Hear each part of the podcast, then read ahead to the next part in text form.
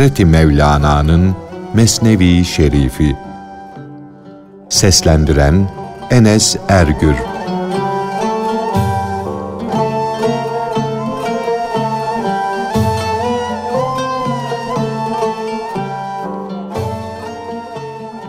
Dünyanın yağlı ballı nimetlerini yemek tehlikelidir.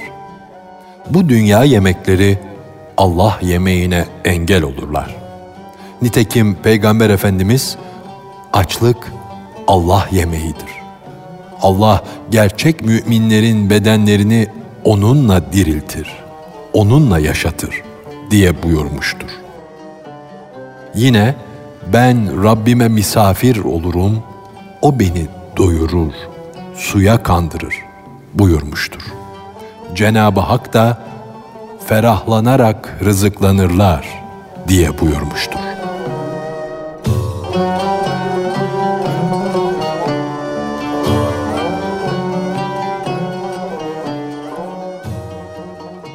Bu ağır, kesif rızık kırıntılarından kurtulursan yüce, latif, hafif rızıklara kavuşursun.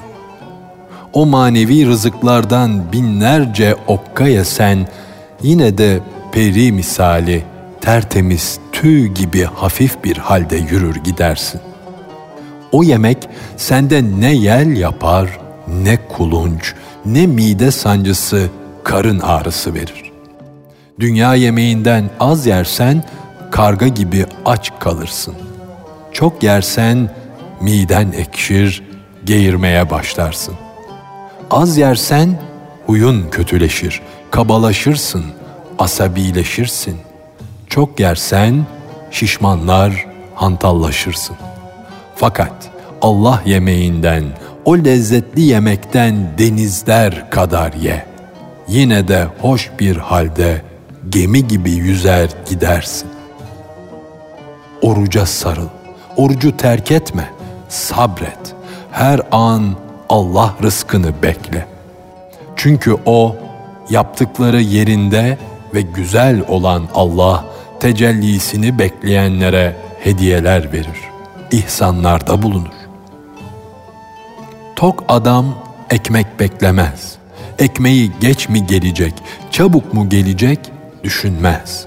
Fakat yemeği, ekmeği olmayan her an yemek nerede kaldı der.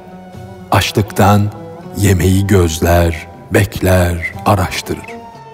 Sen beklemezsen, istemezsen o yetmiş kat devlet ve ikbal nevalesi sana gelmez. Bu sebeple babacığım, sen göklerden gelecek mana yemeğini ercesine bekle. Bekle. Manen acıkmış olan her aç, sonra bir yiyecek bulur. Nihayet devlet güneşi doğar, onu nurlara gark eder. Himmet sahibi misafir az yemek yerse sofra sahibi ona daha çok ikramda bulunur. Ona daha nefis yemekler sunar. Yalnız yoksul ve hasis olan sofra sahibi başka. Ona söz yok. Kerem sahibi rızık vericiye karşı kötü zanda bulunma. Ey güvenilen er! Bir dağ gibi sen de başını kaldır. Yücel de mana güneşinin ilk ışığı sana vursun. Baksana o ihtişamlı yüce dağın tepesi de seher güneşini beklemektedir.''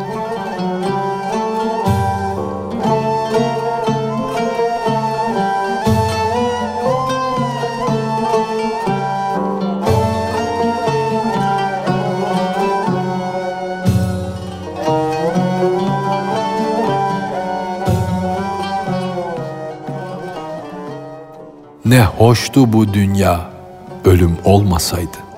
Ne hoştu dünya mülkü, zeval bulmasaydı diyen ve bu çeşit sözler söyleyen gafil kişiye cevap.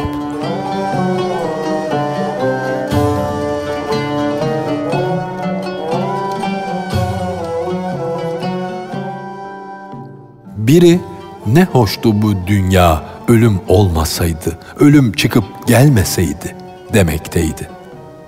Başka birisi de diyordu ki, ölüm olmasaydı ızdıraplarla dolu olan bu dünya çekilmezdi.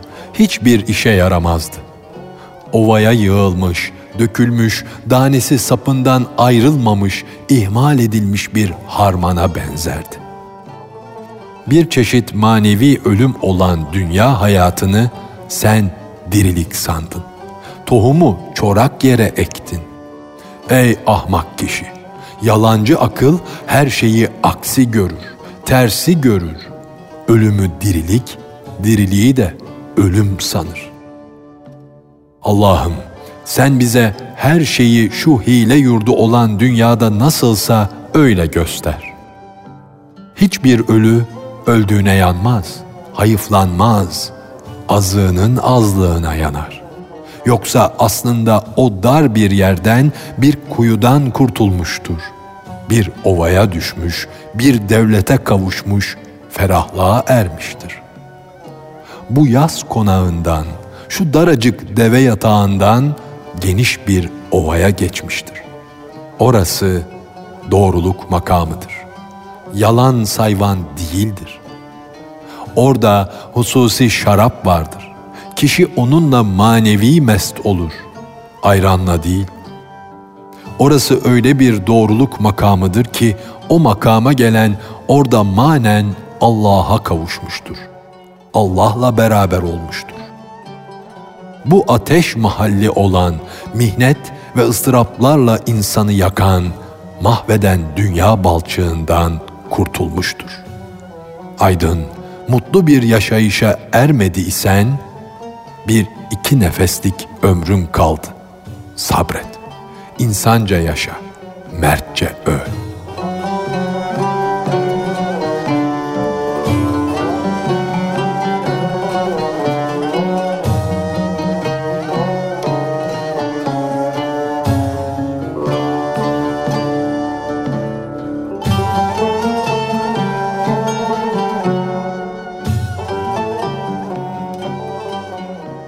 İslami olmayan tenasüh inancını yani ruh göçünü Mevlana reddediyor.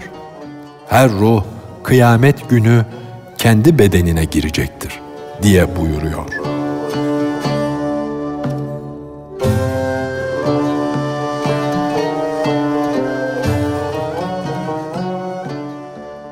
Bir hadiste buyurulmuştur ki kıyamet günü her bedene kalk diye emir gelir. Surun üfürülmesi, ey zerreler, ey çürümüş insanlar, mezarlardan başlarınızı kaldırın diye Cenab-ı Hak'tan gelen bir emirdir. Sabah vakti uyanan her bedene nasıl akıl ve düşünce gelirse tıpkı bunun gibi topraktan baş kaldıran her bedene tekrar ruh gelecektir. Ruh kıyamet günü kendi bedenini tanır. Define gibi kendine mahsus olan o yıkık yere girer. Her ruh kendi bedenini tanıyacak, o bedene girecektir. Kuyumcunun ruhu nasıl olur da terzinin bedenine girer? Alimin ruhu alime gidecek. Zalimin ruhu da zalime gidecek.'' Sabah vakti kuzu anasını, koyun kuzusunu nasıl tanırsa Allah ilmi de bedenleri tanıma hususunda ruhlara böyle bilgi vermiştir. Ayak karanlıkta bile olsa kendi ayakkabısını tanırken ey sevgili ruh kendi bedenini nasıl tanımaz?''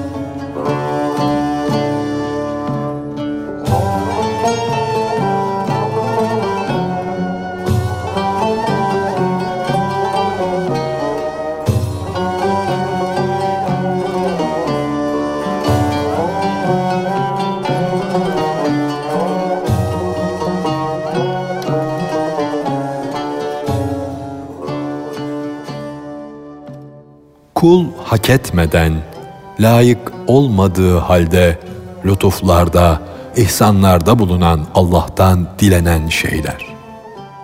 Allah öyle bir Allah'tır ki insanlar ümitsizliğe düştükten, bunaldıktan sonra yağmur yağdırır. Nice uzaklıklar vardır, yakınlığa sebep olur. Nice kutlu suçlar vardır, tövbeye sebep olur. Nice kutluluklar vardır, kötülük isteğinden meydana gelir. Bütün bunlar gerçekten de Allah'ın kötülükleri iyiliklere döndürdüğünün bilinmesi içindir.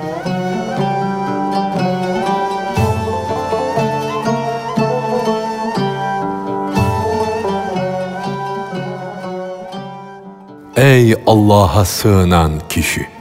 Sabah küçük haşırdır. Büyük haşrı onunla kıyas et. Can nasıl balçağa doğru uçarsa, amel defteri, yaptığımız işlerin yazıldığı defter de sağa, sola öyle uçar. İyiliğe, kötülüğe dair dün ne yaptınsa, ne huy edindinse, ne işler işledinse, onların yazılı olduğu cömertlik yahut nekeslik defterini insanın avucuna koyarlar. Kıyamet gününün seherinde uykudan uyanınca kula yaptığı hayır ve şer gelir çatar. Riyazatı huy edinmişse uyandığı zaman yanına o gelir. Dün hamlık etmiş, kötülükte, azgınlıkta bulunmuşsa amel defteri, yaz defteri gibi sol tarafından verilir. Dün tertemiz bir hayat sürmüş, kötülüklerden çekinmiş, dindar olarak yaşamışsa, uyanınca değer biçilmez inciyi elde eder. Bizim uykumuz ve uyanmamız, ölümle mahşere iki şahittir. Küçük haşır bu büyük haşrı gösterir. Küçük ölümde büyük ölümü hatırlatır. Buradaki amel defterlerimiz hayalidir, gizlidir. Büyük mahşerde ise o defterler apaçık meydana çıkacak. Bu hayal burada gizlidir. Eseri görünmez. Fakat bu hayal orada suretlere bürünür. Mühendise bak. Yere tohum eker gibi gönlüne bir ev yapma fikrinin hayalini kor. O hayal içten gelir, dışta belirir, bir ev olur.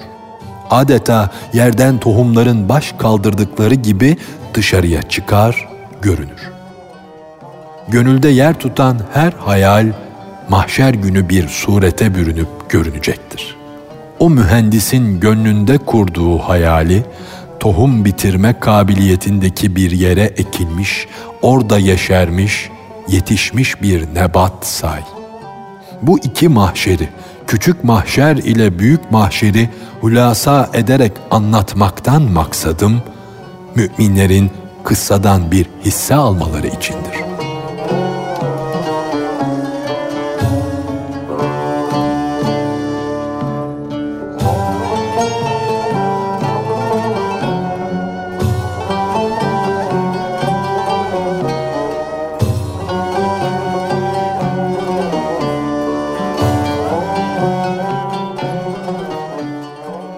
Kıyamet gününün güneşi doğunca herkes topraktan hemen sıçrar, kalkarlar.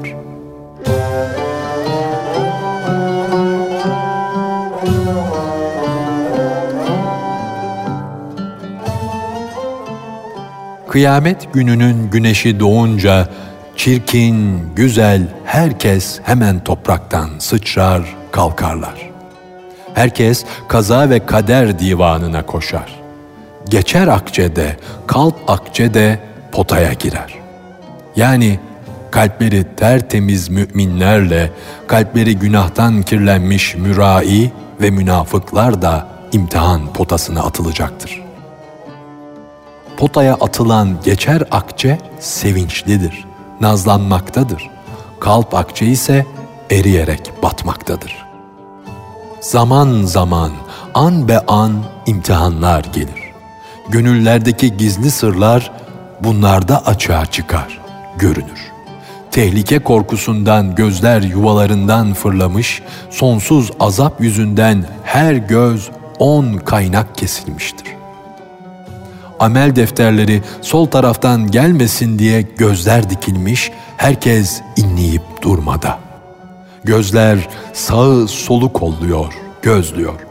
Amel defterinin sağdan verilmesi kolay değil ki. Bir kulun eline kapkara, günahlarla, suçlarla, kötülüklerle dolu bir amel defteri verilir. Verilen defterin içinde ne bir hayır var ne de yapılmış iyi bir iş var. Ancak iyi adamların, doğru özlülerin gönüllerinin incinmesi yazılı. O defter başından sonuna kadar kötü işlerle, günahlarla, hak yolunda yürüyenlerle alay edişlerle, ıslık çalışlarla dolu. Hileleri, entrikaları, hırsızlıkları ve firavun gibi ben, biz demeleri ile dolu. O günahkar kişi defterini okuyunca anlar ki, bilir ki kendisi için zindandan başka göçecek yer yok. Hırsızlar gibi dar ağacına doğru yürümeye başlar. Suç apaçık meydanda. Artık özür dileme yolu da kapalı. O binlerce delil, hüccet, o binlerce kötü söz pis bir çivi gibi ağzını mıhlamış. Dudaklarını kımıldatamaz hale sokmuş. Çaldığı şeyler üstünde ve evinde bulunmuş. Kendini temize çıkartmak için okuduğu masal dinlenmez olmuş. Cehennem ateşine doğru yürümeye başlar. Çünkü artık dikenin ateşten kaçmasına imkan yoktur.